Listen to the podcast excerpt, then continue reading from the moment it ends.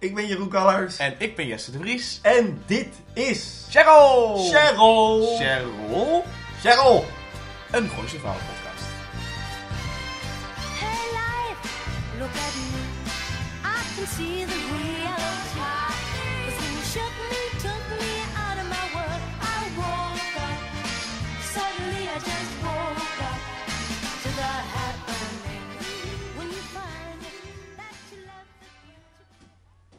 Ook altijd stilzetten tot het Ja, is, hè? niemand weet waarom we ook stil zijn, want het maakt helemaal niet uit.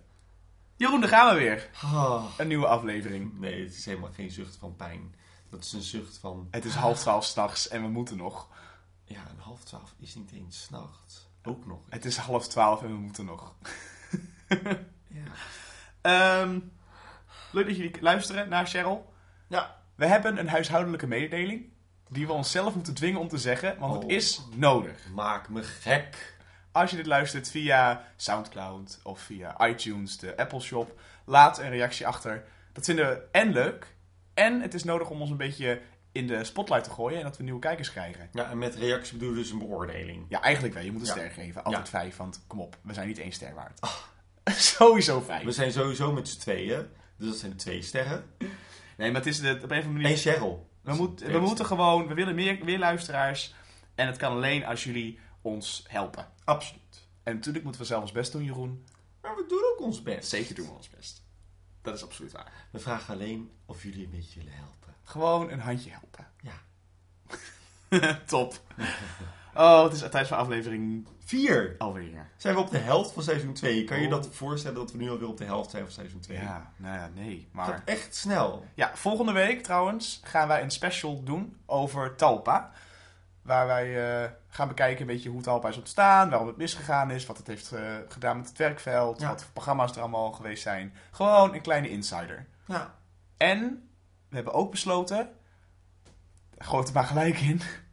Eh, we hebben het eigenlijk elke week hebben we het over de schrijvers, toch? Ja. Over Steven R.T. en over eh eh, Lex al die mensen. Ja. En we, er is verwarring bij ons uit, een soort van wat is er gebeurd, wat is er aan de hand. We weten het niet. En ik stel voor om dat op, even gewoon een, een, een, even opzij te zetten. Ja. En als we meer an- antwoorden hebben, voor onszelf en voor jullie, om er dan weer dieper op in te gaan. Want anders blijven we maar heel veel vragen stellen. En daar schiet niemand wat mee op. Nee. Denk Nee, dan blijf je alleen maar vragen stellen. Ja, is leuk, maar een beetje verwarrend. En dat scheelt ook weer Zelfde tijd. vragen. Steeds hetzelfde. Ja, precies. Ja. Dus, Ja. dat waren de huishoudelijke mededelingen. Nu is het tijd voor het leuke moment. De beat bij beat bedoel je dan? Heerlijk, Jeroen. Maak wel... Ik ga het doen. Ja, I know. Ha, ik heb Ja, ik weet nooit, ik weet van tevoren gewoon, het is beat bij beat een soort van alsof ik aan het verven ben met mijn ogen dicht. Ik weet nooit wat, er, wat eruit komt zodra ik het helemaal aan het voorlezen ben.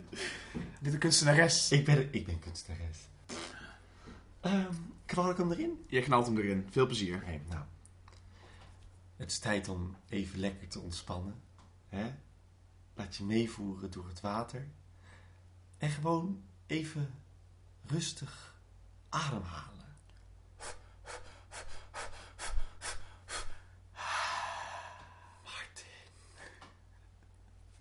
Neuk Cheryl nou eens een keer.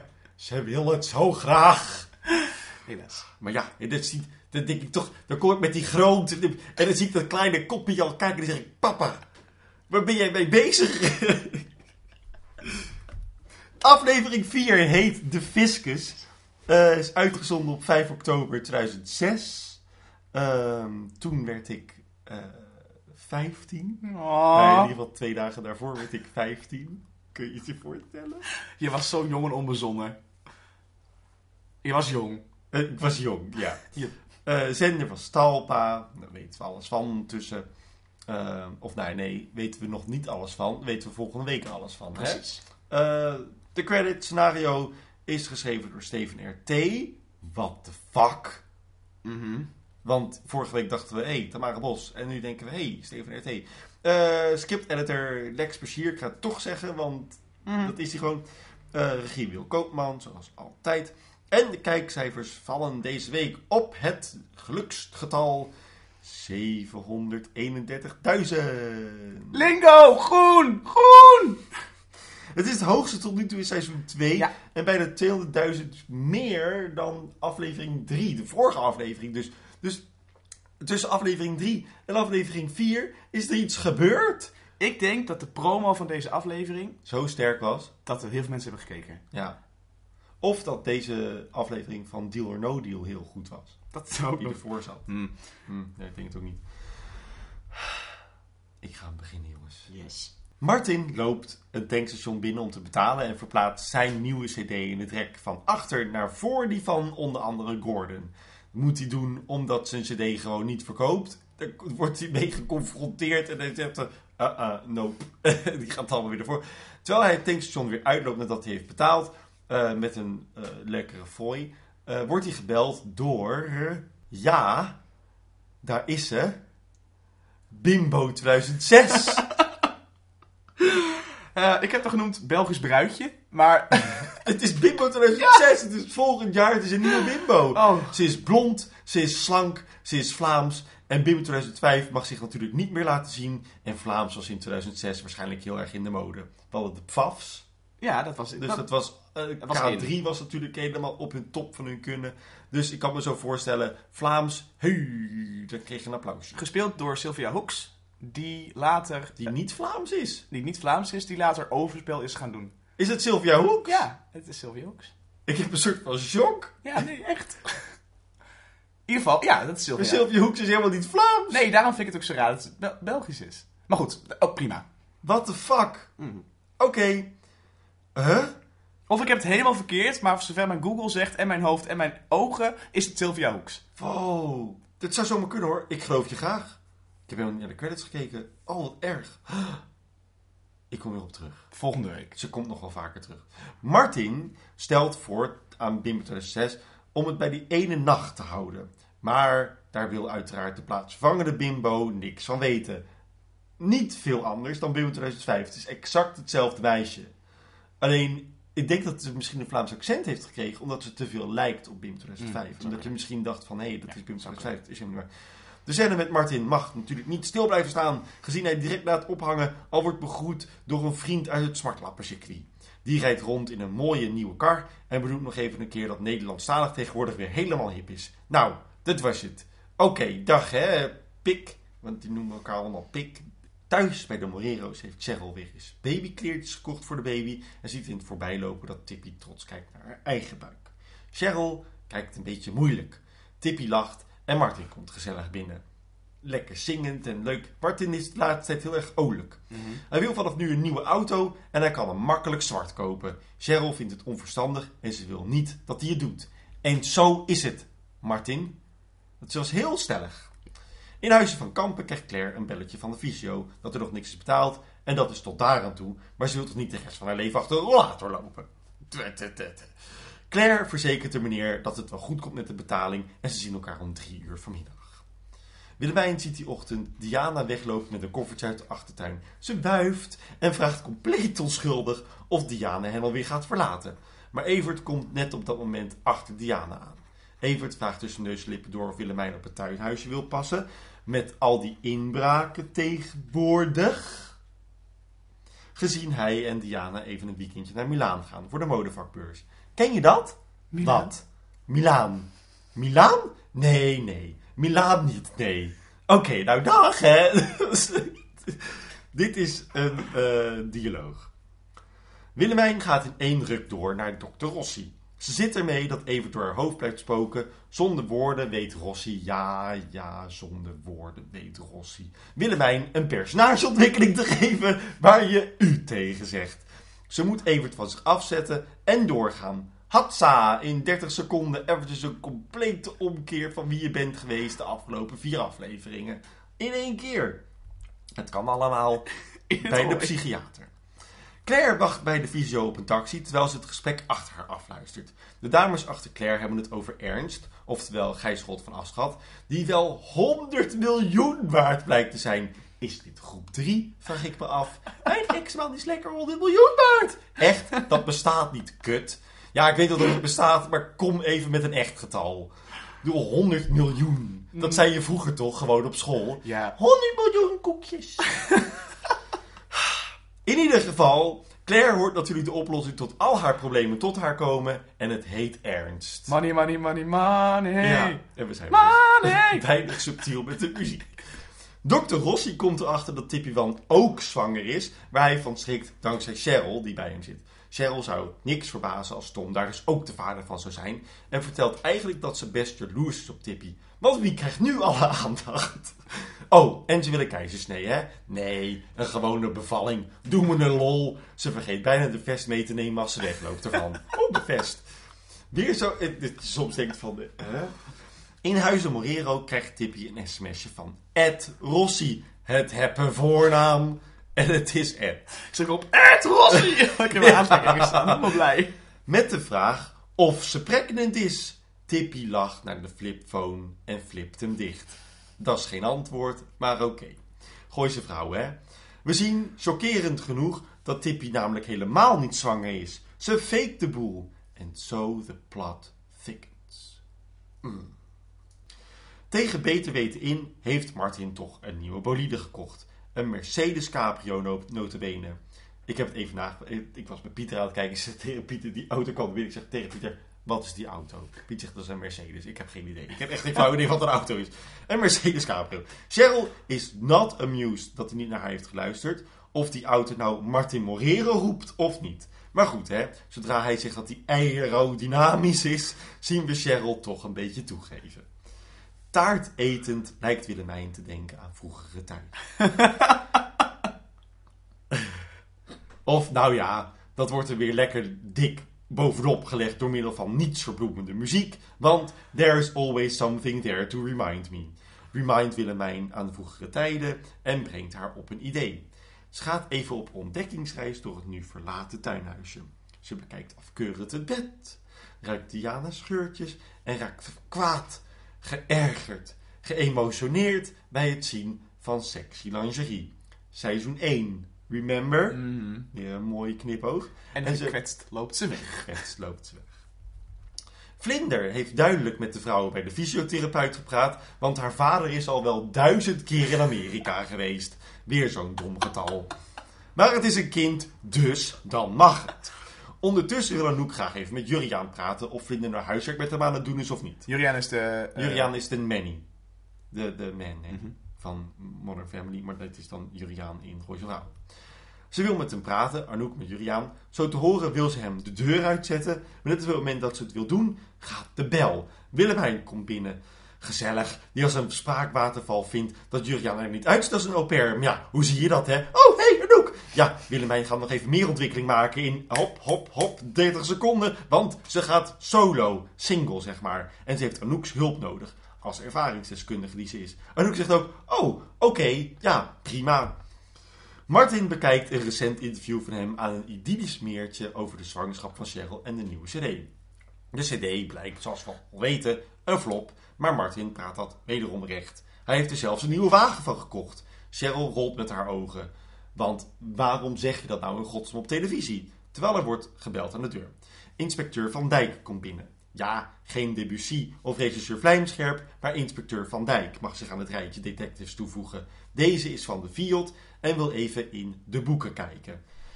Martin doet er moeilijk over en Cheryl krijgt er spontaan warm van. Maar stuur hem nou gewoon even naar de, naar de boeken, Martin. Martin is de kwaadst niet, maar waarschuwt Van Dijk wel alvast. Want we hebben wel boeken, maar hele rare boeken.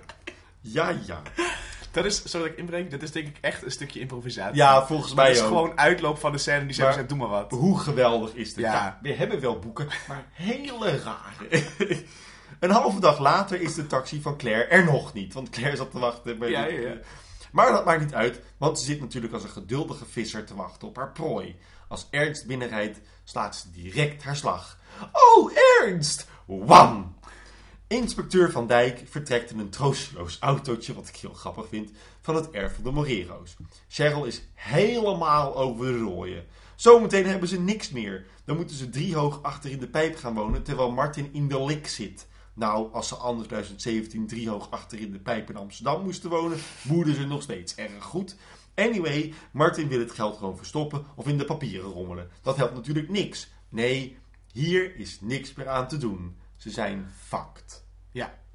Willemijn wordt lekker gemasseerd en geniet daarvan met volle teugen, terwijl haar kinderen binnenkomen en geruisloos weer weglopen. Ze trakteert zich even, even op een pauze, even, even, even een slokje wijn. En de massage gaat weer door. In Huizen Verschuur doet Anouk hetzelfde, maar dan zonder massage. Ze drinkt gewoon wijn. Maar dat is voor haar een soort van hè, een lekkere pauze. Vlinder komt terug uit bed om te vragen waar Juriaan blijft, maar hij heeft een vrije avond gekregen. En nu naar bed, mam heeft even een momentje voor zichzelf. Vlinder voelt de bui al hangen en wil niet dat Juriaan ontslagen wordt. Enkel omdat haar moeder geen wilskracht heeft. Dat zegt ze ook, hè? Ja, dat zegt ze letterlijk. Arnoek is gekwetst en stuurt Vlinder resoluut naar bed. Het is al half elf. Jezus Christus. Zodra Vlinder weg is, ziet ze Juriaan een jongen in de tuin een kus geven en naar binnen lopen. Haar probleem smelt als sneeuw voor de zon. De ochtend wordt zoals vaak netjes ingeluid met de hondenuitlaatservice en het liedje The Look of Love. The look of love. Cheryl ontwaakt, probeert Martin te verleiden, maar die slaapt stug door. Lichtelijk geïrriteerd en met een jeukende poes stapt Cheryl het bed uit. En beneden aangekomen blijkt het hele huis overhoop te zijn gehaald. Hoe toevallig. Ze schreeuwt Martin wakker, de politie moet worden gebeld en als dat nog niet genoeg was, is zijn gouden plaat ook nog in stuk gemaakt. Is nou tegenwoordig niks meer heilig? Ze probeert subtiel te vragen of het zwarte geld er nog is, maar Tippy staat erbij en je weet maar nooit, dus beter kijkt hij of die antieke vaas van zijn moeder er nog staat. Belangrijker vindt Martin of de auto er nog is, glimlacht verdacht, want de auto staat er nog en het geld is ook nog aanwezig. Niks in het handje dus. God, het toeval lacht hun wel heel erg toe in deze scène. We zien tussendoor Willemijn even kort naar de manege lopen. Ja. Goedemiddag, goedemorgen dames. Mag ik het tussendoor? Gewoon resoluut tussen een groep mensen doorlopen die niet aan de kant willen. De drie eh, figuranten. Terug bij de Morero's vertelt regisseur Vlijmscherp dat dit al de zesde inbraak is in drie dagen. Het moet niet veel gekker worden. Vlijmscherp heeft kritiek dat er geen inbraakinstallatie aanwezig is, maar Martin herinnert ons er nog aan dat Willemijn die kapot heeft gemaakt in seizoen 1. De tweede Aflevering. referentie terug Ja. in seizoen 1. Net op dat moment komt Van Dijk ook binnen, die het natuurlijk te mooi voor woorden vindt, net als de kijker mag ik hopen, maar zolang de boeken er nog zijn, is er voor hem geen probleem. Nee. Claire is een brief van de dichter richting Ernst. Maar ja, hoe begin je zoiets, hè? Is het lieve... Nee, nee, nee, nee, nee. Ze verscheurt een heel blaadje nadat ze alleen maar heeft opgeschreven lieve Ernst, wat ik zonde vind. Is het beste Ernst? Ja, ze kiest voor beste en hoort van buiten Willemijn roepen. Rollend met haar ogen doet ze de deur open. Pal achter de deur staat Pipi Langkous met twee paarden. Echt, echt gewoon Tegen de deur. echt op de drempel. Ja, want paardrijden is goed voor Claire de pelvis. Enig, toch?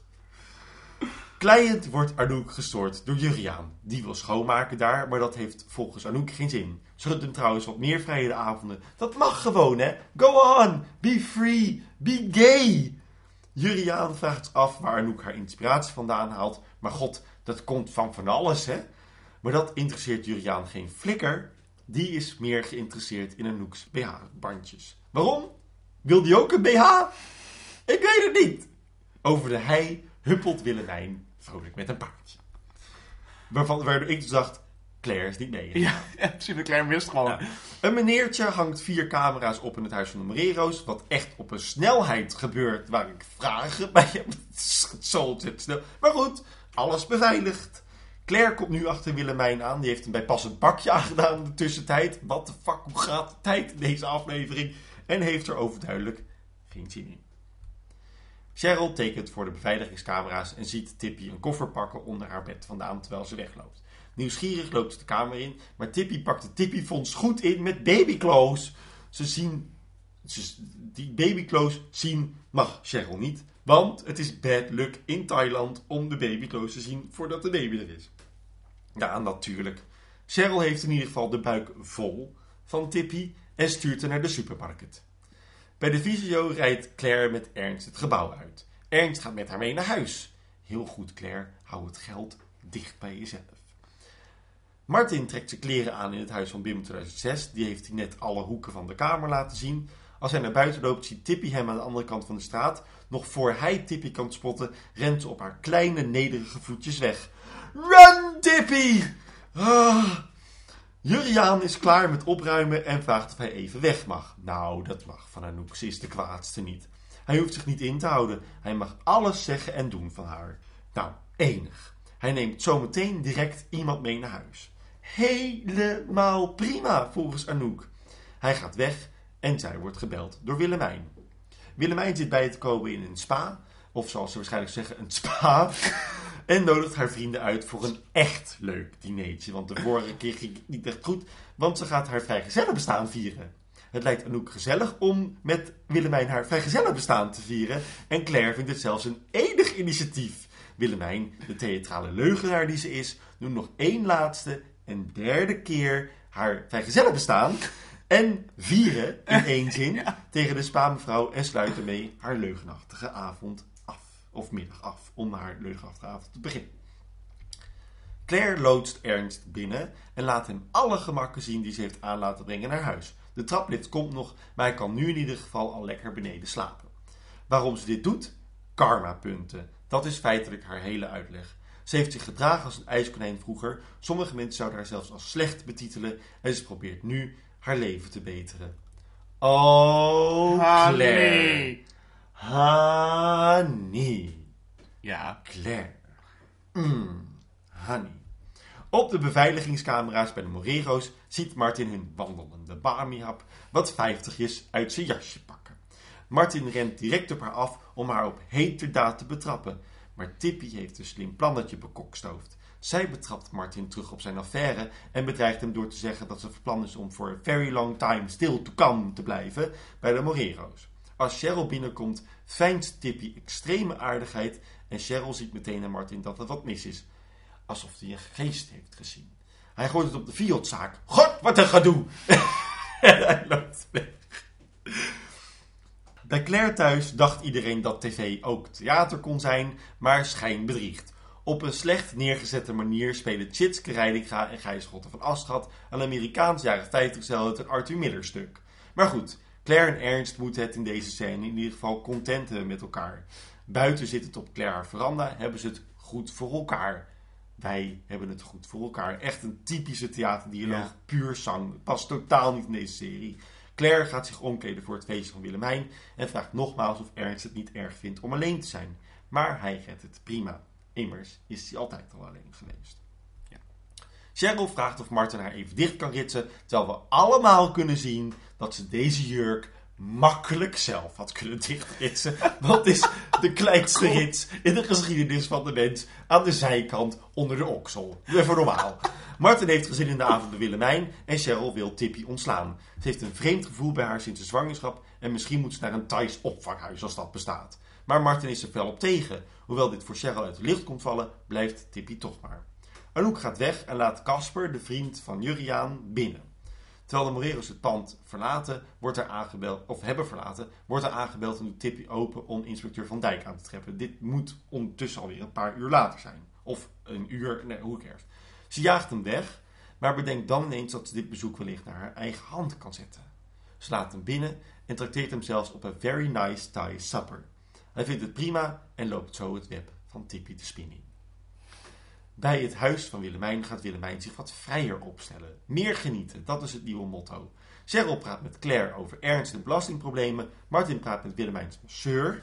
En hij heeft zoveel last van zijn schouder ook. Maar hij praat als eerst over zijn eerste hit, De Geur van Je Haar. Waar hij het al eerder over Ja. heeft gehad. En laat duidelijk zien dat hij wel een massage kan gebruiken. Roderick gaat van tafel en is verbaasd dat zijn moeder niet vraagt waar hij heen gaat. Maar het blijkt haar niks meer te boeien. Bij de Morero's is Van Dijk de belasting aan het checken en lumpia's te eten, terwijl Tippy hem argwanend aankijkt met een schep in haar handen vanuit de tuin. Het gaat regenen en de kerkklokken beginnen te luiden. Onheilspellender krijg je deze scène niet meer. Het feestje van Willemijn valt door de regen letterlijk in het water en iedereen rent naar binnen. Arme Claire met haar krukken. Want die rent die waggelt terwijl Anouk alleen maar... Het is super grappig. Terwijl Willemijn de deuren van haar keuken dicht doet, ziet ze Diana en Evert de tuin inrennen. Ze lachen en gillen, ook al regent het. Willemijn is weer oude versie Willemijn en staat verslagen naar buiten te staren. Heel mooi, want in korter dan 30 seconden is ze weer hats Mhm. terug waar ze was. Als Van Dijk klaar blijkt, wil Tippy hem verleiden. We weten niet hoeveel vrouwen dat al hebben geprobeerd. Terwijl hij haar vertelt dat ze maar beter naar een nieuwe baan kan gaan zoeken, steekt Tippy hem met een mes en maakt ze hem af.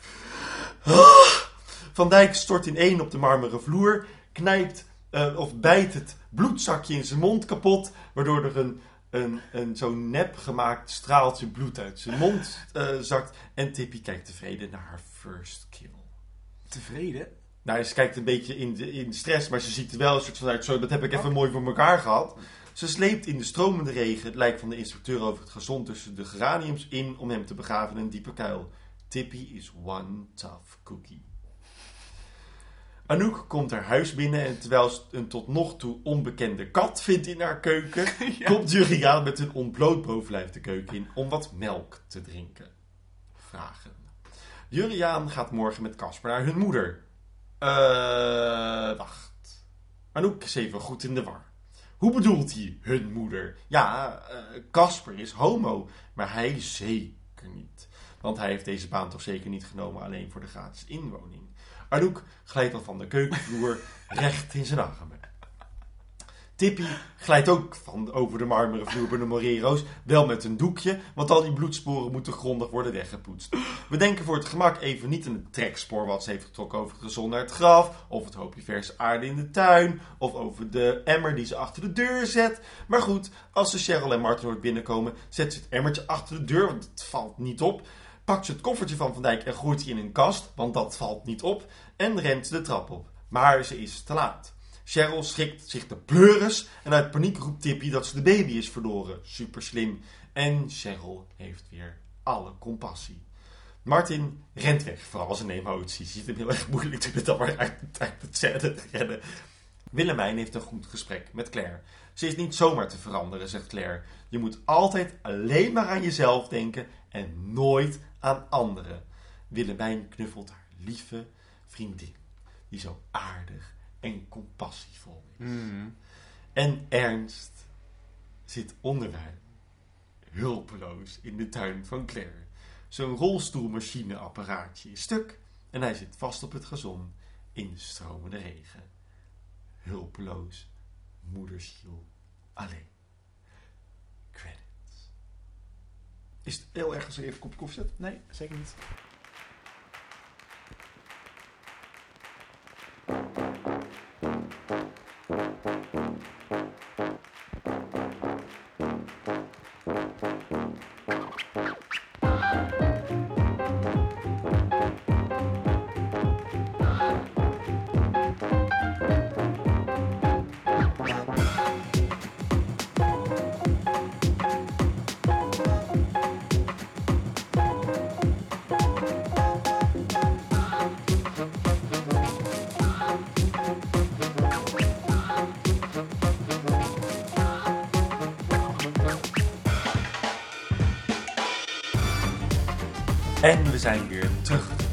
Yay! Deel 2 van Cheryl. Cheryl. Eh, eventjes voor de goede orde, dames en heren. Fijn dat u luistert.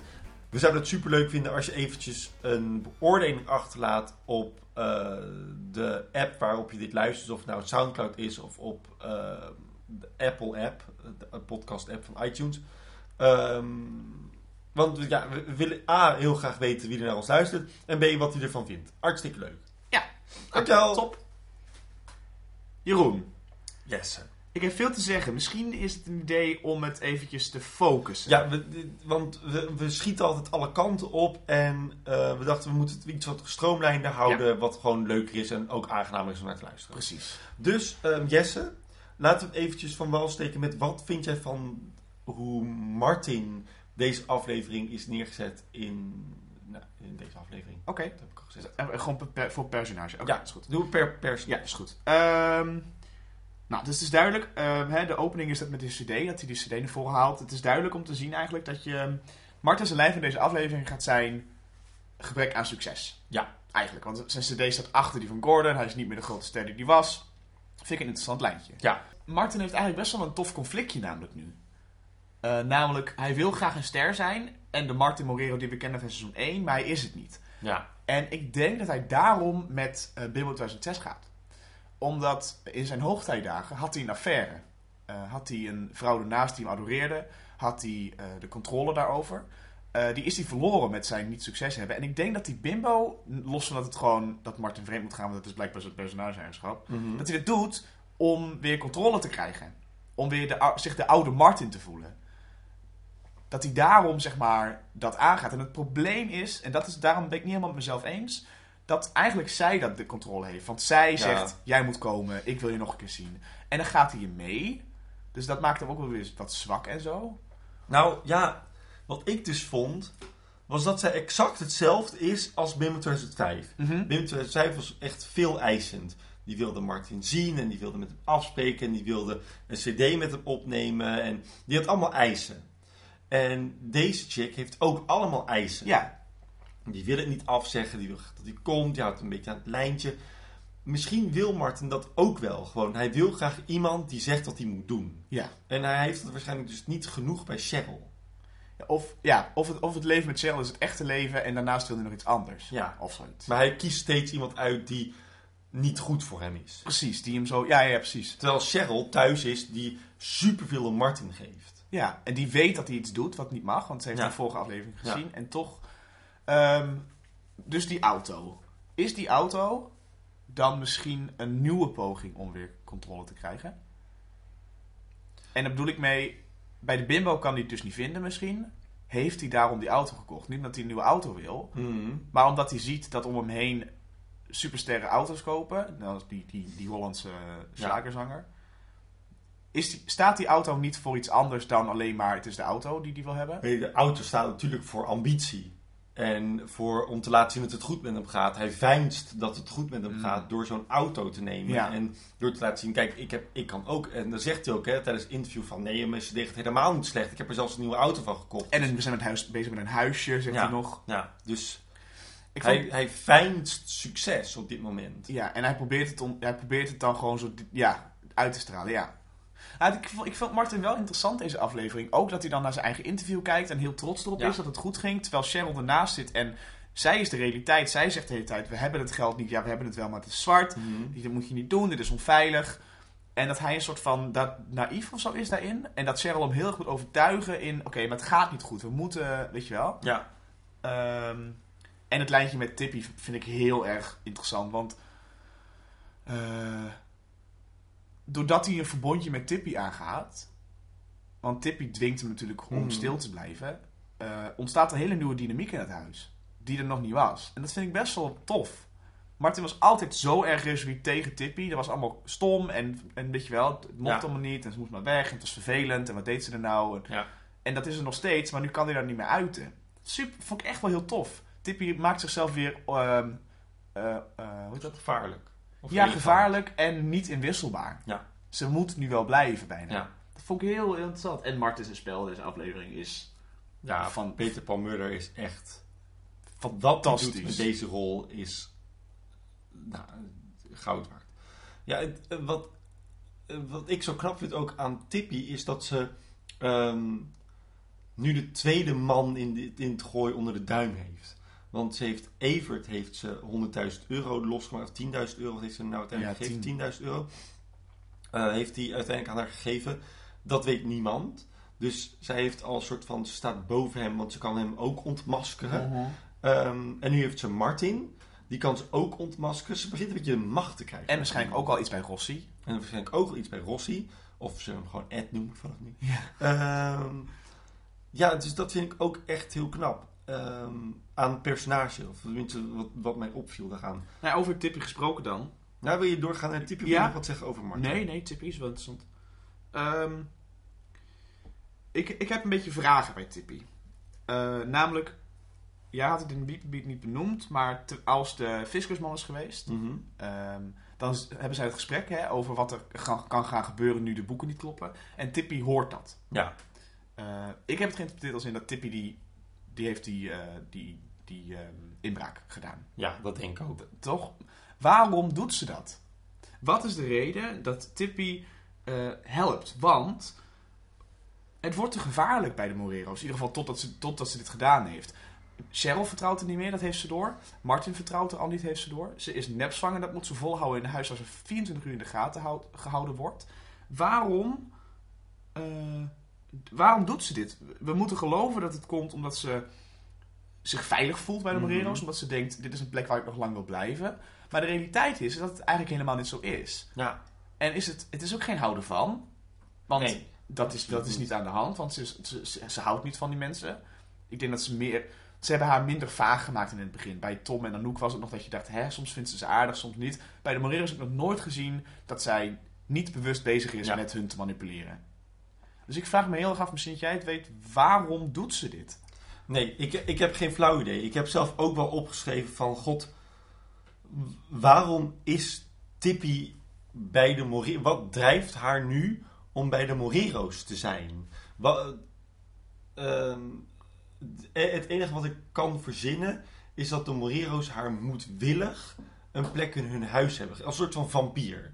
Nou kijk, ze Ze hebben haar met toeval binnengehaald. Ja, Want Cheryl heeft haar bij de bushalte opgepikt toen ze was maar ontslagen. daarvoor hebben we natuurlijk al gezien in seizoen 1... dat Cheryl heel veel te doen heeft met, met Ja, ja, ja. Dus dat ze bij de Morero's is gekomen, is natuurlijk eigenlijk niet heel erg verrassend. Nee. Ehm, wat me nu meer verrast, is dat eh, Cheryl vindt haar ondertussen niet meer leuk. Martin vindt haar niet leuk. Zij vindt de Morero's niet leuk. En toch zitten ze daar met z'n drieën bij elkaar. Ja, dit is denk ik de plek waar ze het meeste geld uit kan halen. Want ze denkt natuurlijk tot en met dat de camera's er zijn... dat ze gewoon vrij uit geld kan jatten en dat niemand erachter komt. Ja. Kijk, de ironie van haar personage dat ze dus probeert zichzelf veilig te stellen... door die inbraak te plannen. Want zolang de Morero's niet failliet gaan, kan zij geld eruit trekken. Het gevolg daarvan is dat die camera's worden ge- geplaatst... wat ze niet had verwacht, Ja. waardoor ze gezien gaat worden. Ja. Jammer vind ik aan het scenario dat daardoor gelijk een oplossing wordt gebracht door haar Martin te zien vre- laten zien vreemd gaan. Ja. Ik vind het jammer dat ze haar niet eventjes een aflevering de tijd hebben gegeven, ook al is ze geen hoofdpersonage, om dat te voelen, om die paniek te hebben van kut, ik heb nu iets gedaan wat ik dacht dat het goed zou gaan, maar door die camera's heb ik het moeilijk. Ja. En daar heeft deze aflevering trouwens heel veel last van, dat ze gelijk een oplossing bieden voor dingen, maar goed, oké. Ehm, ja, Ja, ik, ik, heb, ik heb er oprecht geen antwoord in op dit moment. Ik weet gewoon niet wat, ehm, wat de reden is dat ze wat de doet. reden is dat ze, dat ze hier is of waarom ze doet wat ze doet. Ja. En dat is eigenlijk wel ook weer wat in seizoen 1 gebeurde. Waarom, waarom is er iets aan Tippy waarom ik haar niet helemaal vertrouw? En nu doet ze wel, nu doet ze oprecht dingen waardoor ik denk, ik vertrouw haar niet. Maar waarom doet ze het? Precies. Nu, ja, ik denk dat ze, ik denk dat in het scenario en in het idee van Tippy niet is doorgedacht. We hebben namelijk nog nooit een doel gezien van waarom Tippy is wie ze is. Nee. Als wij maar een kleine suggestie hadden gehad en we hebben het nu zelf het Tippyfonds genoemd, Ja. of jij hebt het Tippyfonds genoemd, dat maakt nu dat wij elke keer denken, oh, dat is de- de- het Mhm. doel voor haar handelen.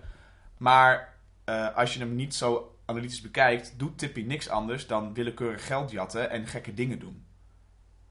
Ze heeft, weet je wel, het is.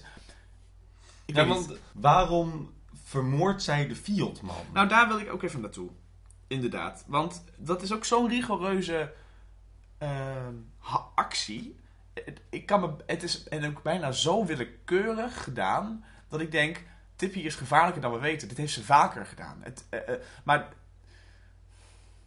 ik weet niet waarom ze hem vermoordt. Ik weet niet. Zij, eh, ik, ik denk dat zij doorheeft dat het nooit dat het niet goed gaat komen met de Morero's. En dus niet goed gaat komen met haar. Maar dat, dat geloof ik niet, want Tippy kan willekeurig overal terecht in het gooien. Ik bedoel, er zijn meer mensen dan Anouk en Cheryl die hulp in huis nodig hebben. Weet je wel? Het is niet alsof ze nooit meer aan de bak gaat komen. Het is niet dat het haar laatste redmiddel is, dat de, de Morero's. Ah, ik denk, ja, ze heeft het heel comfortabel bij de Morero's. Of ze zegt natuurlijk ook tegen Martin van, I'm, I'm not... Ja, ze heeft het niet comfortabel bij de. Morero's. Ja, blijkbaar wel, want ze zegt wel tegen Martin van, ik ben van plan om bij jullie nog heel erg lang te blijven. Ja, maar dat zegt ze omdat ze weet dat ze er meer uit kan gaan halen. Het is niet veilig voor Tippy tot ze bij Martin leverage heeft Ja. om te blijven. Oké, maar dat heeft ze gedaan nog voordat ze de Fieldman vermoordt. En de Fieldman, en dat moet zij weten, en hierdoor denk ik dus, nu weet ik bijna zeker dat Tippy Nederlands kan verstaan en dat ze daar iets mee kan. Ehm, of ze dat nou ook spreekt of niet, dat weet ik niet. Maar ik weet in ieder geval wel dat ze het kan verstaan, want ze weet precies wat die Fieldman gaat Ja. doen. Ehm, is ze vermoordt hem omdat hij het gevaar is tussen haar en het Morero-fortuin. Ja, precies. Dus dat is de enige, Dat is de enige reden. enige motief. Ja, en ze doet het niet om de Morero's te helpen of het is allemaal gevolgd. Het is allemaal gevolg, maar ze, ze doet het, zou het voor zichzelf doen, omdat hij de enige man is die op dit moment, behalve dan de Morero zelf, tussen haar en hun fortuin in staat. Ja, ja, ja. Over die moord gesproken. Ehm, jij, het beat beat, was het een heel erg verrassing voor jou? Als in van qua, het is een groot moment wat plaatsvindt uit het niets. Nou, en het is wel, het is een groot moment in eh, het, Gooise Vrouwenspectakel. Ja, ja, Het is ja. de eerste moord die echt wordt gepleegd. En Als we en Engelbert vergeten eventjes, hè? als we Engelbert vergeten dat het geen moord is, hè, want dat is een ongeluk. En als we Claire haar dubieuze... Wat geen moord is, ja, maar een poging tot doodslag. Of tenminste, dat weten we niet. Ehm, en dit was wel echt een, een sensatie. Dit kan ik me ook nog herinneren van vroeger. En daarom zijn er waarschijnlijk meer kijkers die dat in de promo hebben gebruikt. Ja, ik denk het wel. Dat, dat het gevaar van Tippy groter Ja. wordt of zo. Ehm, ik vond het ik ik vond het niet onverwacht dat ze hem die scène dood ging steken. Nee. Maar ik vond het wel onverwacht dat zij in deze aflevering iemand ging vermoorden. Ja, ja, ja. Nou, over dat onverwachte had ik... ehm, ik vind het een zwaktebod dat het de moord zo erg wordt ingeleid. Het wordt met drie of vier dingen een soort van Ja. ingemasseerd. Je hebt die kerkklokken. Je weet het al vanaf het moment dat ze hem binnenlaat. Dan denk je, oh, dan denk je, oh, kut. Ja, ja, ja. Ze gaat iets met hem doen. Maar of ze hem nou gaat vermoorden niet. Maar dan staat ze met schep in de hand. Schep in de hand, het is donker, het regent, er zijn kerkklokken. Ja, er gaat nog net geen vleermuizen. Er gaat precies. En dat, ik snap in de vetheid en, de, en, en, het, en het kitscherige van Gooise Vrouwen, snap ik hem. Maar ergens denk ik ook, jongens, je had er zo'n mooi moment van kunnen maken. Je had, het, je had haar diepgang kun- kunnen geven door haar iemand dood te laten maken, out of the blue. Ja. Ehm, ja, ik, nee, ik, ik, ik snap hem wel. want Ik vond, het ook wel. ik vond het ook lekker dat ze hem doodstaken. Maar ehm, hadden ze hem niet beter kunnen doen door ehm, dat zij eh, hem probeert te overtuigen door seks in te zetten, wat ze, wat Wat ze fijnst, hè? Heel veel mensen doen heel veel dingen alsof deze aflevering op de een of andere manier, want ik wil het woord fijn heel vaak zeggen.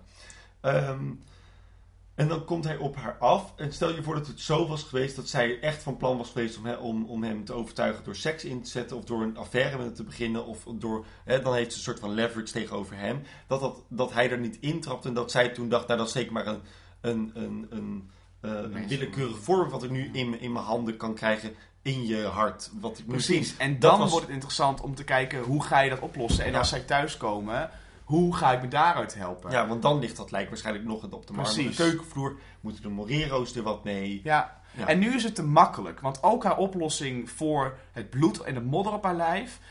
dat is de best mogelijke oplossing voor al haar problemen. Namelijk dat die zwangerschap gaat ze nooit vol kunnen houden. Nee. En haar oplossing, die ze in een, in een seconde bedenkt... is de oplossing voor Tippy van al haar problemen. En Maar- dat vind ik zo zwak. Maar ook als, je, als jij Cheryl of Martin bent, je bent misschien wel een beetje een ordinair type, maar je bent niet op je achterhoofd gevallen. Die vrouw is zijknat, Ja, die ja, zit onder de aarde en onder het bloed. ja. Op de handen, op de buik, op de benen, overal zit bloed. En ze is helemaal nat. Ja, en toch geloven ze. Ja, maar ik, ik, dat vind ik, ik vond het, ik, ik, nogmaals, deze aflevering geeft een probleem. Zie met Anouk en haar eh seksding. Mhm. Zie met Willemijn en haar willen, eh, willen slagen. Ja, Ehm, Claire en haar geldprobleem. Er is een probleem. En in dezelfde scène hebben we een oplossing. ja, En dat is met dit van Tippy precies hetzelfde. ja. Daarbuiten gelaten vind ik de reactie van Martin als Tippy die miskraam heeft briljant. Echt, hij doet Hij zo moet moeilijk. bijna huilen. Ja. Hij wil niet kijken. Hij haat die vrouw, maar hij kan niet anders dan menselijk reageren. Ja. Fucking slim. Ja, Heel slim. mooi. Oké, van eh Tippy gaan we even door naar... Laten we het even binnen Huizen Morero houden. Oh. Ehm, ja. Ehm, Cheryl heeft het deze aflevering best wel een beetje moeilijk met zichzelf vooral. ja. Ja. Ze, ze heeft heel veel innerlijke strijd. Hè. Ze kijkt heel erg naar eh, haar. Ze vergelijkt zichzelf heel erg met Tippy omdat zij ook zwanger is. En wat doet dat dan met de Mhm. aandacht? Mhm. Eh, ze, ehm, ja, ze is heel erg met zichzelf bezig, deze aflevering. Steek van wal. Nou ja, daar heb je, je zei gelijk in het begin, was mijn eerste vraag toen ik dit keek met Cheryl, waarom vertrouwt zij Tippy niet meer? Ja. De eerste interactie die ze hebben is Cheryl die kijkt naar Tippy Ja. en een soort van wantrouwende blik heeft. Ja. Ik had hem niet door eerst. Ik dacht, oké, heeft ze... Wat is er gebeurd tussen de vorige aflevering en nu? En ik had opgeschreven... Oké, is het omdat zij nu de woorden van Willemijn en Anouk misschien in de achterhoofd heeft? Van je moet geen vrienden Ja. met je personeel maken.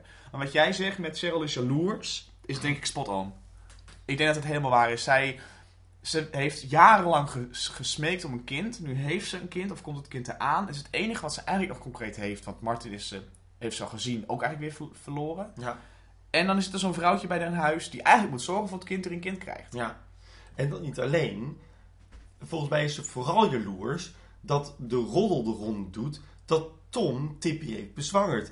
En ja, dat kan natuurlijk niet, want dan is ze niet meer speciaal. Precies. Dan is zij niet meer degene die eh, per ongeluk even seks heeft gehad met Tom de piloot. Dan heeft Tippy dat misschien ook wel gedaan. Ja, het zou kunnen namelijk. vieze Thaise Bamihan. Wat trouwens super racistisch is. Als het- Ontzettend. Eh, dus, maar dat heb je, ja, heel slim. En ehm, eh, jij had de, de, de Rossi-scène, dat ze dan Mhm. praten. Dat is, ik hoop, ik hoop dat Cheryl daar aan het manipuleren is. Mhm. Dat zij weet dat het van Rossi is. En dat zij met Rossi gaat zitten en terloops zegt... Oh, by the way, Tippy is zwanger. Omdat ze dan weet dat ze Tippy moeilijk maakt. Maar hoe zou Cheryl in godsnaam moeten weten dat, is het van enige, Rossi dat is het enige probleem. Dat ik niet weet. Maar goed, er zijn meerdere dingen, zou je kunnen zeggen, die we niet zien, die mensen opeens wel weten. Ja, Ik hoop dat het manipulatie is. ik denk het Maar echt ik, niet. Ik, nee, dat, ah, het zou, zo Het zou, heel, zijn. het zou echt veel mooier zijn Ah. geweest. Maar ik, ik geloof wel echt in de oprechtheid van dat zij in die roddel gelooft dat Tom Tippy heeft bezwangerd. Ja. En dat ze daarom zo moeilijk doet. Ja, Ja. dat zou- is wel logischer dan dat ze dat dan gelijk een plan verzint. Eh, dus voor de rest heeft ze, de, heeft ze de, natuurlijk de fiscus-hel. Ehm, ik vind het heel mooi ingebracht eigenlijk, die hele, hele fiscus-dinges. Want het begint natuurlijk met eh, zwart geld. Ja. Dat is de vorige aflevering best wel subtiel erin gebracht. Dan heb je een auto waarvan we allemaal weten dat moet je niet doen. Martin zegt nog, oh, ik koop wel een bonnetje of zo. Dan, helaas niet zo subtiel, heb je dat interviewmomentje wat ik denk, ah, je gaat een andere Mm. stijl invoegen als schrijvers met een interview laten zien. Wat, om Ja, en ook zo shiften van focus. Dan gaan van het interview naar uit ineens dat televisie. hij, de, op de- dat hij in zijn eigen woonkamer aan het kijken is naar de opname van het interview. En daar, waarom doe je dat dan niet direct? Of, Ja, of- dat is een het beetje vaag. Moeilijk gedoe. Maar de inlossing van de paniek, zowel van de inbraak als wel het wat de fuck gaan we nu doen, hoe het misgaat, Mhm. vind ik fantastisch. Ja. En, en hoe, ik, zag, ik zag meteen eh, alle clichés ter wereld langskomen in het hele Fiat-verhaal. Namelijk, eh, de man doet iets fout en de vrouw weet het vanaf het begin en doet vanaf het moment dat de fiscus binnenkomt alsof de neus bloedt. Mhm. Want zij zegt meteen van, laat nou gewoon die boeken zien, man. Waardoor ze eigenlijk laat zien aan die man van, ik weet van niks. Tuurlijk, maar dat is ook zelfbehoud, toch? Zij moet... Ja, ja, maar dat, dat, dat, dat eh, voedt mijn liefde voor Cheryl's manipulatieve kant. Ja. Want dit is weer gewoon een manipulatie. Door gewoon te zeggen, laat jij nou maar die boeken zien aan die man. Ja, ja. Jij hebt de verkeerde keuze gemaakt. Maar dat, ja, dat is heel fijn. Ehm, ik vind de scène waar zeg maar, Cheryl en Martin worden wakker 's ochtends. En zij wil seks en Mhm. hij doet of hij slaapt. Mhm. Want je ziet hem letterlijk, ook, weet je wel, hij wordt Mhm. wakker en zij is dan al weg. Vind ik veel meer zeggen dan de vorige aflevering, het einde, waar zij Martin stiekem binnen ziet komen. Of het begin van deze aflevering, waar Martin stiekem aan het bellen is met Wim 2006. Ja, Deze, dit, dit momentje subtiel. waar eigenlijk geen woorden zijn en waar we hem soort van bewust nee zien zeggen tegen Cheryl, vind ik zo goed, zo goed gedaan. Ja. Eh, het zegt, het wordt lek- er is geen woord vuil aan gemaakt, letterlijk. Maar we zien wel dat Martin op een of andere reden niet met zijn vrouw wil zijn. Ja. Ik vind het wel een beetje raar als de, de, dag, nadat de, vis, de dag dat de fiscus is geweest, dat je totale paniek hebt, je de volgende dag lekker hebt geslapen en nog zin hebt in seks. Als mijn hele leven op spel stond op de boeken die de volgende dag worden gecontroleerd, slaap ik niet. Ja. Puur detail, boeit geen flikker. Vind Ook ik omdat een- ze de avond daarvoor echt gewoon, de, ze zijn echt fucked. Ze komen er echt niet meer... Ze komen, er- wat je zei, dit is een probleem waar ze niet vanaf komen. Ja, tenzij dat dus door een act of God ineens niet meer is. Ja. Want even die inbraak, hè. Mhm. Ehm, die inbraak wordt in deze aflevering eerst heel subtiel gebracht door Evert. Je kan het bijna missen. Echt, je, je knippert met je ogen en, Het is je, weg. en je, je hoort het niet. Ehm, vervolgens zegt eh regisseur Vlijmscherp nog een keer van... Oh, dat is al de, de zesde inbraak in drie dagen.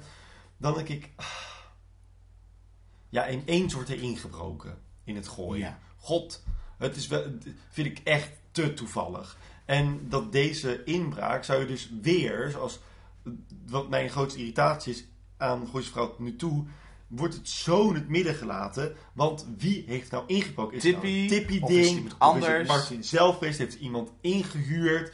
Of is het echt een inbraak? Wat wil je me nou vertellen? Waarom maak je hier godverdomme niet gewoon een Ja. keuze in? Ja, is het, ja klopt. Het En is, dat, dat frustreert me echt ontzettend. En dat doen ze zo vaak in deze serie. Dat ik echt denk van... Ik hoop dat op het eind van seizoen 2... je echt antwoorden krijgt op deze dingen. Zoals... ehm, wie heeft Claire nou echt het zwembad ingegooid? En is daar een duidelijke verhaal in ingebracht? Wat is Tippy's motief? Ehm, en, en wie heeft die inbraken gepleegd? En waarom? en wie is het, wie is, van wie is het kind van Cheryl? De allergrootste. En, en, maar die inbraken gaat het vanaf nu terugkomen. Net als het zwarte geld van Martin, wat de vorige aflevering ineens iets was met dat doosje en shit. Dat dat nu een grote plotpunt is. Denk van ja, kan je niet. Kan je dat, had, je, had je dat niet beter twee afleveringen later kunnen doen? Goed, als je kijkt naar wat ze dat heel veel dingen in het moment opeens ontstaan, vind ik twee afleveringen voor zwart geld best Ja, al wel heel best wat. wel lang, ja. Ehm, waar ik eh, wel vind dat er tijd genoeg in is besteed, ook omdat het ondertussen de vierde aflevering is, dat je, dat je elkaar samen ziet, is Claire en Ernst. Hoewel de keuze dat Claire Ernst in huis neemt ontzettend ineens is. Ehm, oftewel, even het bruggetje maken naar Claire. Claire van Kampen. Nou, Claire heeft blijkbaar weer geldproblemen. Dat is echt het enige wat ze heeft. En waarom?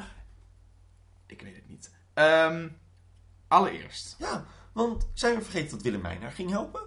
Toch? Nou ja, blijkbaar wel. Aan het einde van de aflevering hebben de twee vriendinnen het heel goed samen. En Ja. daar zijn de vriendinnen. Maar Ernst is wel 100 miljoen wil jij het eerst hebben over eh, Claire en Ernst? Ja, dan gaat het eerst even over Claire en Ernst. Ehm, ik snap niet, en daar kom ik zo meteen, ga ik er dieper op in als we het misschien kunnen hebben over tijd of zo, Mhm. over de lijn. Ik snap niet hoe dit verhaallijntje is gegaan. Ja.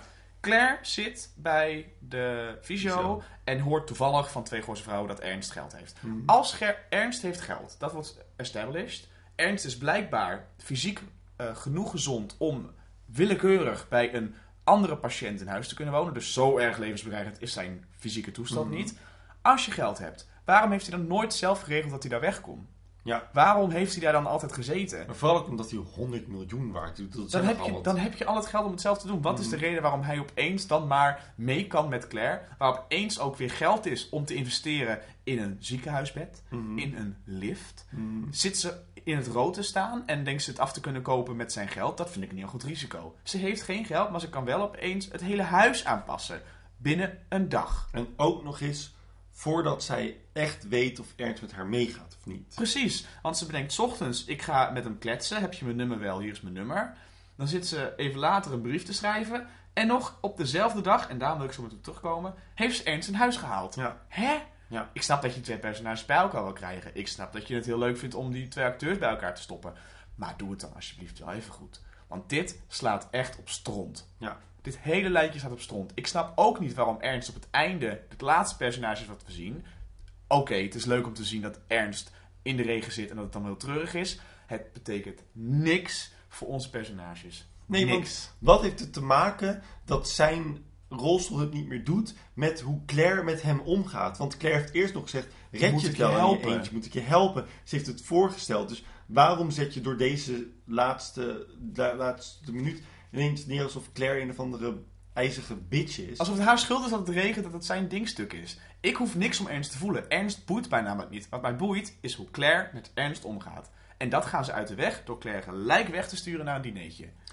Wat ik leuk vind aan deze aflevering, aan deze versie van, van Claire in deze aflevering, is dat Claire eh, ontzettend ironisch bezig is.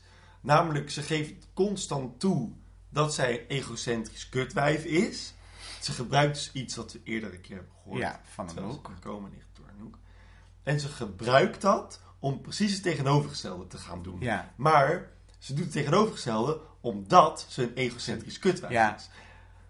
Hoe slim Ja, is dit gedaan? heel goed. Omdat je ook, als jij Ernst bent, los van of je het accepteert als Ernst zijn om mede met een, eigenlijk een wildvreemde naar huis te gaan. Als dat een reden is van een personage, kan ik me voorstellen dat hij zegt, ja, snap ik wel. Ja, Ik bedoel, ik ben je charity case, maar ik vind het prima. ja, absoluut.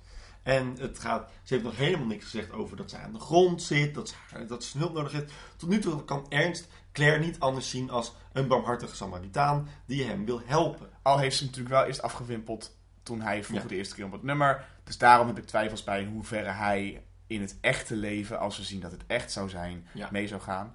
Eh, over echt gesproken.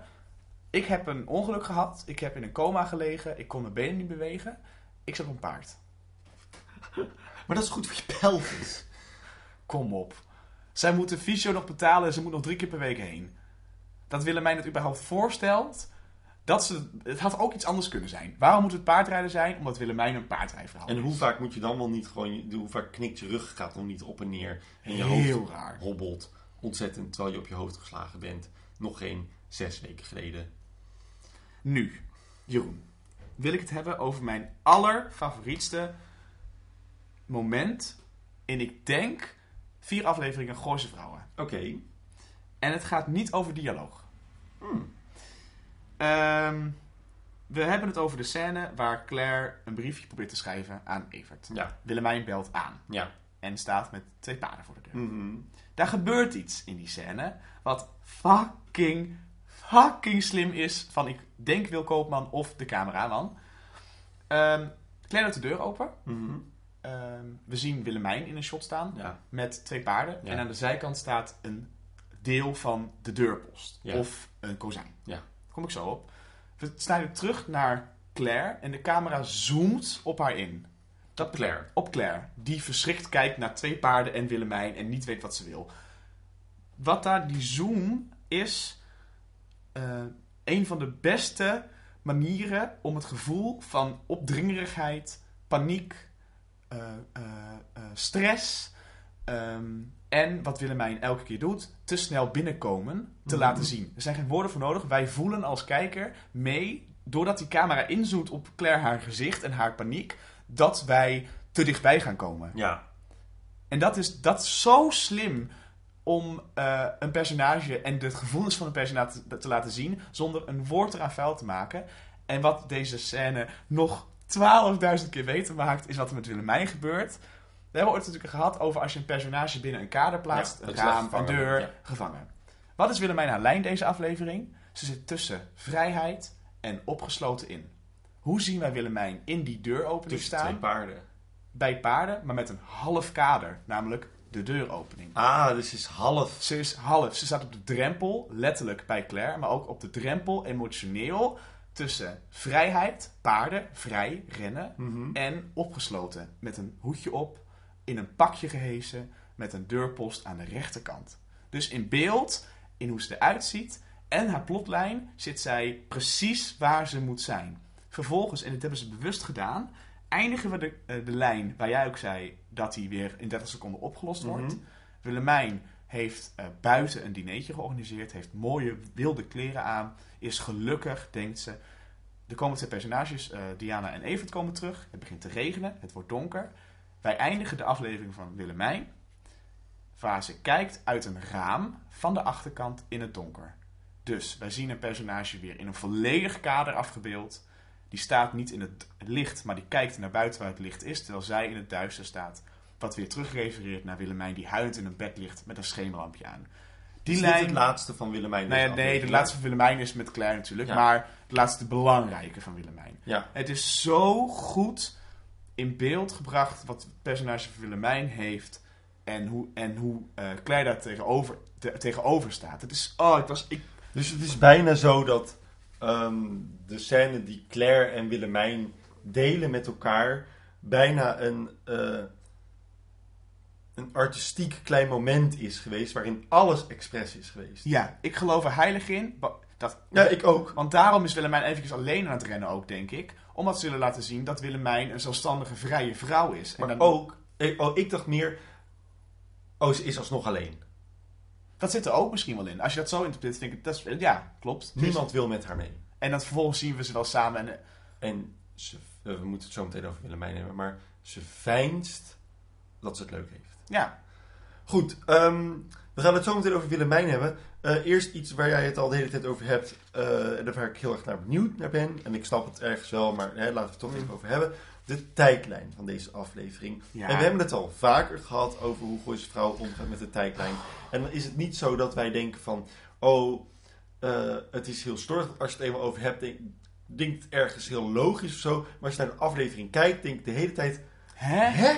Hoe zit het in elkaar? Hoeveel dagen zijn er, zijn er, zijn er overgegaan? Wat vertellen we? Is het in een week? Is het in drie dagen? Is het één dag? Is het twee dagen? Hoe werkt dit? Deze aflevering Steek van wel. Nou ja, het is, het, is, het is niet dat we hier lang over door hoeven te gaan. Ik wil het gewoon even uitspreken. Ehm, we hebben, ik denk dat het over twee dagen gaat, deze aflevering. Ervan uitgaande dat als personages wakker worden, het direct een nieuwe dag is. Ja. Dus Claire en, of, eh, Cheryl en Martin worden ochtends wakker. Ja. Dat is de direct daarop volgende dag. Ga ik vanuit. Betekent dat vanaf het moment dat ze wakker worden, ehm, Claire een brief schrijft aan Evert. Willemijn naar de manege gaat. Vervolgens Willemijn al bij de deur staat van Claire en ze gaan paardrijden. Mhm. In Terwijl- de tijd dat zij dus de brief aan de brief aan het schrijven is. Tegelijk wordt het alarmsysteem aangebracht bij de Morero's. En dat gaat volgens Cheryl heel snel. Want Mhm. hè, Mhm. Martin is vertrokken en bij Sylvia. En heeft gelijk ook al seks gehad. En wordt daarna direct betrapt door Tippy. Die ondertussen weg is gestuurd nadat het alarmbedrijf weg is gegaan Ja. door Cheryl. Willemijn is inmiddels al in een sauna beland. Belt Anouk op. En Claire. Claire is al bij Ernst om Ernst een huis te nemen. Ehm, dan zijn we bij hun thuis. Dat is de daaropvolgende scène. Zie je een klok. En de klok staat om kwart over twaalf middags. Dus dat hebben ze allemaal gedaan tussen half acht of zo. En En kwart over twaalf. kwart over twaalf. Ja, Jezus. dat is, ik ging het, dat is natuurlijk, die klok waarschijnlijk is, het Ja, is het is natuurlijk een prop. ongeluk geweest. Maar goed, als we gaan kijken naar de, wat, wat we zien Wat zijn en de wat, feiten? wat zijn de feiten, is dat alles gebeurt in een, in een ochtend. Ja. Dat kan niet. Uur. Dat kan niet. Dit is slordig schrijfwerk. Ik snap dat je veel moet pushen en dat het er totaal niet over nagedacht is. En dat is, nou, dat, dat is een keuze. Maar dit gaat toch totaal over stront. Want dat betekent namelijk, steek ik het zeg, sorry. Betekent namelijk dat het hele lijntje van Ernst eh, eh, eh, niet van belang gaat zijn. Een lijn die van belang is, is voor mij een lijn waarover nagedacht wordt en die met subtiliteit wordt ingebracht. Tippie van lijntje, eh, eh, de zwangerschap, ik bedoel, los van de haken en Mhm. ogen. Ernst is 's ochtends is ze bij hem en hoort dat hij geld heeft. De volgende dag heeft ze alles in huis gehaald en woont hij bij haar. Ja, dit is natuurlijk weer een probleem wat vaak voorkomt in een Gooise Vrouwen aflevering. Deze aflevering, of nee, Gooise Vrouwen als serie had een seizoen van 12 afleveringen moeten krijgen. Ja. En dit is weer acht afleveringen, of ik heb volgens mij weer acht. En het gaat echt in sneltreinvaart. Het moet, eh, dat zeg ik ook. Daarom heb ik het ook expres in, in mijn eerste scène van de Beat op Beat gezet. Ik schrijf letterlijk. ehm, de scène met Martin mag niet stil blijven staan. Er moet constant iets gebeuren. Ja. De scène met Martin op het tankstation had gewoon kunnen zijn. Martin die, komt met die, die wordt geconfronteerd met die eh, andere zanger. Later kunnen we erachter komen dat Martin een affaire heeft. Maar die affaire hoeft niet per se in deze scène te zitten. Nee, maar ik vind dat wel een slimme scène, want ze laten namelijk zien dat het geen succes is, dat hij een affaire heeft en dat hij jaloers Oké, is. prima, maar er zit Ja, zoveel constant Ja, in ja, elke ja. scène. Elke, elke personage, wat het aan de ene kant heel erg goed maakt, aan de andere kant veel te vol, moet echt zes ballen in de lucht houden Ja. om een beetje interessant te blijven voor een, voor een plotgedreven Aflevering. aflevering. En wat grappig is dat het personage Willemijn, waar ik het zo over wil hebben, heel gra- graag. Dat taartmomentje wat je had, hè, van dat ze taart eet, is het enige moment wat ik verschrikkelijk lelijk vind, eigenlijk. Eh, er gebeurt letterlijk niks. Mhm. We zien een personage denken en taart eten. Elk goede scène in een film of televisieserie of whatever heeft een conflict binnen elke scène. Ja. Want dat duwt namelijk het verhaal voort. En dan kom je tot een climax op het einde van de aflevering. En daarom voelt een aflevering organisch. Daarom voelt een aflevering slim. Die scène, dat ze taart eet. Hij viel voor mij echt zo. Ik, ik was er echt totaal uit. Eh, ik zag hem en ik zag hem voor de tweede keer toen ik de beatbit aan het schrijven was. En toen dacht ik bij mezelf: Oh, ik snap het wel, maar dit was een Kill Your Darlings geweest, denk ik, voor de regisseur. Ja, hem die dacht, oh, ik heb zo'n mooi beeld in mijn hoofd van Willemijn die dan taart eet in het huis. En daar naar dat tuinhuisje gaat om alles even af te keuren. Wat is dit? Maar er zit totaal geen drama in, want het drama is al honderd keer verteld wat er nu gebeurt in deze scène. Dit is geen nieuwe informatie en er gebeurt niks. Had hem eruit gehaald. Want Ja. nu, het brak voor mij het ritme van de aflevering, wat heel snel was en misschien ook te snel, af. Ja. Klaar. Oké, eh, door naar Willemijn. Ja, als Willemijn in, de, in, de, in die sauna aan het bellen is over de eh Ja, vrijgezellen bestaan. Van Ja. was het nou, ja. Belt ze eerst Anouk op. Mhm. Want daar heeft ze blijkbaar opeens heel veel liefde voor. Ja, dat ze komt echt alleen is. maar omdat Anouk een scène ervoor heeft. Dus dan kunnen ze ze aan elkaar Ja. vastbinden. Dat is de enige reden waarom Willemijn eerst Anouk belt. Ja, ja, en dat ze nu opeens, nu opeens van Willemijn houdt, of Anouk houdt. En vriendinnen zijn, Ja. omdat ze single is en haar nodig heeft. Ja. En daarna zegt ze dus tegen die vrouw: Ja, dat is mijn vriendin Anouk. Oh, ja, Claire. Als ze vergeten is dat Claire haar vriendin is. Ja. Kut, ik moet even Claire Ja. bellen. En ze belt Cheryl niet. En ze belt Cheryl Of tenminste, niet dat in zien we beeld. Ja, dat is een, ja. Hm, eh, ja, de, de rest heb je al gezegd, denk ik, van, eh, van Willemijn. Ik weet niet, ik heb Willemijn vooral die, dat paardrijden en dat hele, dat hele cinematografische ding vond ik heel slim.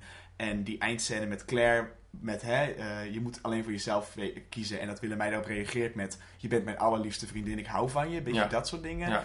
Vind ik heel mooi. En maakt die hele lijn voor mij af. Los van dat ik in mijn achterhoofd denk. Vorige aflevering haatte je je vriendin toen jullie aan het eten waren en ze om geld vroeg. Maar oké, ik, ben, Mhm. ik vind het oké. Ja, de, de, ehm, de personages hebben een, ehm, eh, een, hoe heet dat? De, nou. oh, het is half één en mijn zus belt. Oké. Eventjes opnemen.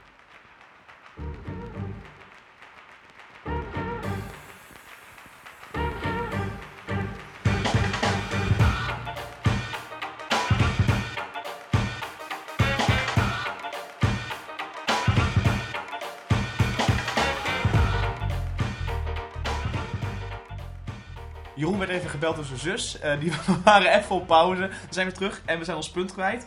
Ehm, maar we hadden het over eh, eh, dat Claire en Willemijn weer vriendinnen zijn. En dat ik zei dat ik een hele mooie scène vond. Maar dat ik het gek vond dat ze vergeten waren. Oh ja, ja. Ja, oh ja, dat was, dat was mijn punt wat ik wilde zeggen.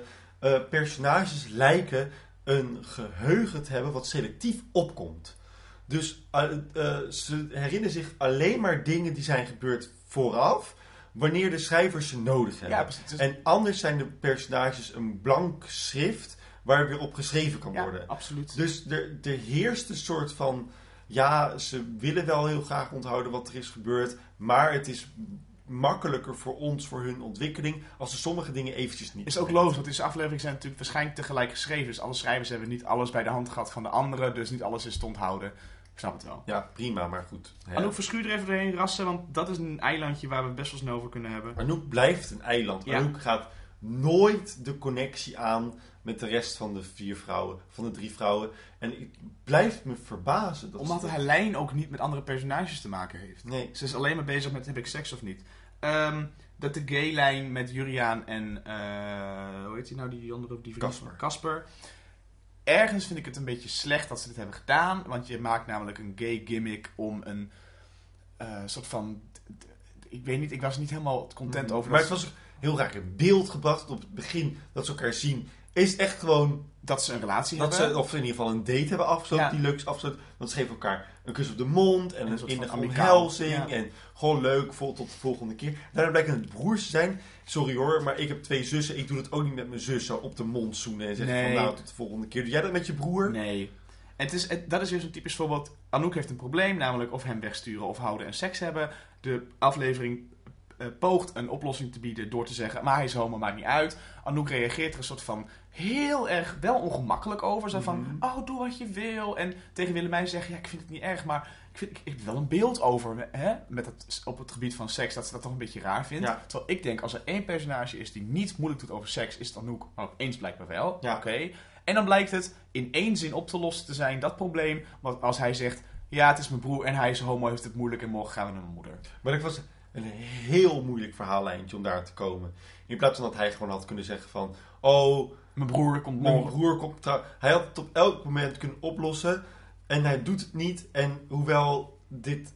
eh, Martin heeft, eh, heeft eerder gedaan door met tegen Tom te zeggen van... Goh, ik weet het dat je seks Ja, ja, haar. ja. Zo, dat het soort van niet wordt De gezegd. suggestie wekken. Dat, Was, was dit ongeloofwaardig? en verwarrend. Want waarom zegt Juriaan niet gewoon... "Vind- Wanneer hij zegt, vind je het goed als er iemand langskomt? Ik zou zelf zeggen, vind je het goed als mijn zus vanavond langskomt? Precies. Waarom laat je dat zo in het midden als jij zelf geïnteresseerd bent in Anouk? Precies. Dan zeg je direct, dat was mijn broer, dan haal je niks in je hoofd, eh, want ik wil in je broekje. Ja, en daarbij, eh, in, beeldvor- f- in de beeldvorming wordt het ook raar opgelost. Dat op een gegeven moment, hè, dan vraagt Juriaan aan Anouk, goh, waar haal je inspiratie vandaan? Switchen we perspectief naar Juriaan die naar de rug van Anouk kijkt. We zien een scheef BH-bandje. Mhm. Dan wordt bij ons eh, loos de vraag opgelegd, kijkt hij naar een BH-bandje of kijkt hij naar de rug omdat hij het lekker vindt? Ja. Dat is verwarring veroorzaken bij ons die niet nodig is. Was het niet beter geweest als Juriaan biseksueel was? Ja, Dus dat hij, dat hij, dat hij, dat hij Casper had, dat het een los contact was, maar dat hij ondertussen ook gewoon geïnteresseerd was in Anouk. En dat Anouk dat nooit had bedacht. Mhm. Dat zij dan direct dacht van, oh hij is homo, dus hij is afgeschreven. Maar nu is, het lijntje, nu is het lijntje rond. Als je biseksueel was, kun je, moet je daar weer op ingaan. Dan wordt Nee, helemaal niet. Het was het gewoon geweest van, nou ik ben ook geïnteresseerd in vrouwen, maakt dat dan weer Ja, uit, weet je. kan. Daar was er niks moeilijks over geweest, nu was het een heel moeilijk ding bedacht. Nou ja, ik, dat lijntje van... Voor de rest heb ik over Anouk niets te zeggen, want haar lijn is niet zoveel interessant. Behalve dat Vlinder heel leuk is. Punt. Vlinder is fantastisch in deze aflevering en de vorige aflevering. Dit, het hele seizoen is tot nu toe Vlinder fantastisch. Nogmaals, voordat we beginnen aan de... eh, De beat by beat. Eh, de ranking, sorry. voordat we de ranking gaan doen, wil ik nogmaals jullie vragen om dit, eh, deze aflevering eventjes te liken. Eh, op je Soundcloud, iTunes, dat soort dingen. Recensie, want dan kunnen mensen ons vinden. Blijkbaar werkt iTunes dus zo. Op goede reacties, op reacties aan zich wordt, worden wij hoger geplaatst in een, in, in een lijst. En dat zou heel fijn zijn, want we doen dit met heel veel plezier. En we doen het ook voor één persoon die luistert. Maar het zou fantastisch zijn als er 100 mensen luisteren. En laten we groot dromen. Een 100 miljoen mensen luisteren. Groetjes naar Canada. Alsjeblieft. De ranking, Jeroen, van deze aflevering. ja, Goois ranking. Op dit moment 1 zwarte magie, 2 de voorbeeldige moeder, 3 het plan. Twee afleveringen dus uit seizoen 2 ondertussen. Seizoen 2 doet het Ja. echt heel goed. Ja. Maar de absolute top blijft nog steeds zwarte magie. Ja. Eh, laatste aflevering is Kom ik terug. Dat de seizoensopening van seizoen 2. Ehm Jesse. Ja. Laten we ervan uitgaan. Nee, laten we zeggen. ehm, de absolute middenmoot van eh Gooise Vrouw afleveringen tot nu toe is ehm, mannen. De aflevering met de veiling. Ja. Ehm, dat is echt de middenmoot. Dus Ja. eh, daaronder is, wordt het slecht en daarboven is het goed. Mhm. Ehm, is deze aflevering beter dan mannen? Is dit de middenmoot? Is dit beter dan de middenmoot? Ja, maar niet heel veel beter. Oké. Eh, dus hij staat hoger dan mannen. Dat is 6. Ja. Dan komt daarna het feest. De pilotaflevering. Is die beter dan het feest? Ja. Waarom? Slimmer gemaakt. Los van de altijd aanwezige probleem van Goois vrouwen. Dan hebben we seks, leugens en clichés. Aflevering dat Engelbert doodging. Ja, nou ja, als dat het enige is wat we nog... Ja, ik begin langzamerhand te denken... Goh, waarom staat die aflevering nog zo hoog? Alleen maar omdat Engelbert doodging. Nou ja, omdat het natuurlijk, het was, er was heel veel actie. en Ja, er gebeurde heel veel. Het was natuurlijk niet zo heel erg slecht geslepen. Nou ja, deze... Ik vind deze aflevering eh, getuigt van veel... eh, slimme keuzes op gebied van hoe vertel je heel veel in korte tijd. Maar, dit is interessant. Seks, leugens en clichés, de aflevering dat Engelbert doodgaat. Is de fiscus niet over een tijdje de aflevering dat Tippy Wan de fiscus vermoordt? Ehm, nee, want dat is voor mij niet het, niet het eikpunt van deze aflevering. Maar daardoor onthoud ik hem wel. En er gebeurt zoveel meer in seks, leugens en clichés dan dat Engelbert gaat dood op het eind. En heeft, brengt niks teweeg in de hele aflevering. Ehm, maar dat is wel hetgene wat ik herinner aan de aflevering. En daardoor kan ik heel veel dingen aan de aflevering vastkoppelen. Oh, dan weet ik weer Holtrop en Claire met het pistool en gedoe. En, Mhm. eh, en nu denk ik, oh ja, als ik weet dat de, de aflevering is dat Tippy Fieldman vermoordt, dan weet ik alles weer van de aflevering. Ja, ja, ja, maar dat maakt hem voor mij niet minder... ehm, minder eh, belangrijk om hoog te zetten. Mhm. Deze aflevering is mij zeker 4 slash 5. Dat is een beetje, een beetje willekeurig bijna. Omdat ehm, ik de Willemijn Claire-lijn heel erg goed vind gedaan. En heel veel vind zeggen over waar Gooise Vrouwen naartoe kan gaan. En wat Gooise Vrouwen kan doen als populaire Nederlandse dramaserie. Eh, ik vind de lijn van Martin slim, interessant, fijn. Nogmaals, los van wat er altijd met Gooise Vrouwen Ja. mis is. Ehm, en ja, ik denk dat dit een motorisch moment is van de serie die weer even heel erg veel gaat betekenen. Het is het midden van het seizoen. Het is het midden waar een- opeens een cliffhanger ding zit met de moord. De, de motor is weer even opnieuw aangezet. Denk ik. En eh, dat vind ik heel knap aan deze aflevering. Dat vind ik heel interessant aan deze aflevering. Ik vind het ook fijn dat hij nu eh, geweest is. Omdat ik, heel omdat ik nu oprecht even heel benieuwd ben naar het vervolg. Ja. En niet alleen vanwege de moord, maar ook vanwege het probleem met geld van meerdere personages. Er zijn personages bijgekomen die van belang gaan zijn. Ernst, eh Juriaan misschien. Ik weet niet, ik, ik, ik vind hem niet beter dan 1, 2 of 3. Ik vind het, weet je wel, ik vind hem beter dan de pilot. Punt. Oké, we gaan een probleem krijgen, denk ik. Ik vind hem namelijk met stipt beter dan het plan. Die nu op 3 staat. Oké. Dat was dus de vorige aflevering. Waarom? Ik vond het plan als aflevering vrij stuurloos. Ehm, het was een goed geschreven aflevering. Er gebeurden mooie dingen in. Maar als ik kijk naar hoe gericht deze aflevering te werk gaat qua verhaallijnen en wat het wil vertellen, vind ik hem veel duidelijker. Er zijn veel minder momenten waarvan ik denk van, oh, ehm, het- naast de Gooise vrouwenziektes eh, vind ik er niet heel erg veel op aan te merken. Eh, het is geen briljante aflevering, maar de vorige aflevering was ook geen briljante aflevering. Klopt. Het was een goed gemaakte aflevering. Nu ga ik even goed uitleggen waarom ik deze aflevering veel beter vind. Oké. In deze aflevering laat de serie zien dat alle personages in deze serie zoveel meer zijn ontwikkeld dan waar ze op het eind van seizoen 1 stonden. Ja. Er gebeurt zo ontzettend veel meer en je gaat ook zoveel meer mee. We kennen de personages, we weten wat ze kunnen doen en nu gaan ze allemaal andere dingen doen dan wat ze van ze gewend zijn. Ze, ze, ze zijn iets meer uitgediept, ze zijn iets meer beter neergezet, ze zijn kalmer, ze zijn rustiger. Er is een soort van rust gekomen over de serie. Terwijl we wel zeggen dat deze aflevering heel vol zit. Dus dat is wel interessant. De aflevering zit vol. Plotgedreven zit de aflevering heel vol. Personagewijs is deze aflevering super sterk. Ja, omdat, eh, ja, daar heb je gelijk in. Elk personage doet het omdat er een bepaalde ontwikkeling plaats heeft gevonden. Omdat ze bepaalde conflicten hebben. Ja, klopt. De vorige aflevering was eh, qua eh, synopsis wat kaler Mhm. en wat rustiger. Maar vond ik wat klungeliger in elkaar gezet dan deze aflevering. Ook het racisme stukje. eh, er zaten heel veel, er zaten heel veel eh, stukjes in, in, in de vorige aflevering. waar ik denk, eh, daar heb ik toch nog wel een heel klein beetje een, een gevoel bij. Van ik denk, het zit niet helemaal lekker, die aflevering. Deze aflevering denk ik gewoon, oh, dit is een, gooi, dit is een goede Gooise Vrouw aflevering. Ja. Dit was mijn zaak. Ja. Oké, ik ga niet mee. Drie? Ja.